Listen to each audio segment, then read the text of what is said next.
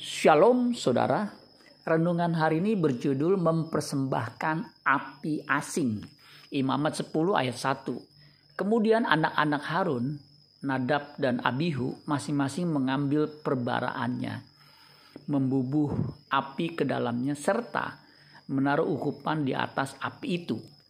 Dengan demikian mereka mempersembahkan ke hadapan Tuhan api yang asing yang tidak diperintahkannya kepada mereka.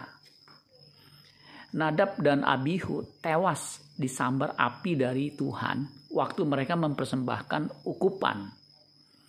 Pertanyaannya, mengapa Nadab dan Abihu sampai dibunuh Tuhan ketika mempersembahkan ukupan kepada Tuhan? Hal ini sulit dijawab. Tetapi ada satu penjelasan dari penafsir Alkitab penuntun hidup berkelimpahan yang bisa kita mengerti mengapa bisa terjadi yang demikian mengerikan. Ada tiga alasan yang dapat dikemukakan. Yang pertama, Nadab dan Abihu memasukkan ke dalam perbaraan mereka api asing, api dari sumber yang tidak diperkenankan Allah. Bandingkan dengan Keluaran 30 ayat 7 sampai 9. Tuhan sudah memerintahkan sumber api untuk membakar ukupan wangi-wangian bagi Tuhan dan tidak boleh dari sumber lain. Yang kedua, perhatikan pula bahwa persembahan kemenyan di atas mesbah hanya boleh dilakukan oleh imam besar saja.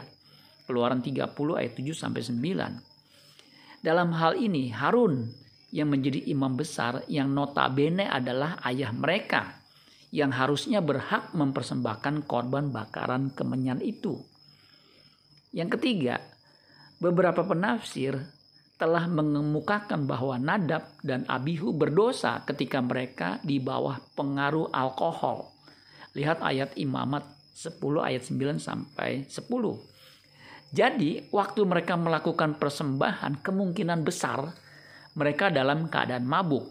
Suatu keadaan yang tidak diperkenankan oleh Allah. Apa yang terjadi dengan keluarga Harun ini?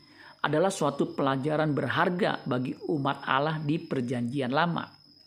Ketika memasuki zaman anugerah, umat Perjanjian Baru tidak lagi mempersembahkan wangi-wangian dan kemenyan kepada Tuhan, tetapi yang dipersembahkan adalah tubuhnya sendiri sebagai persembahan yang hidup, yang kudus, dan yang berkenan kepada Allah. Itulah ibadah kita yang sejati Inilah perintah dan pesan penting bagi kita.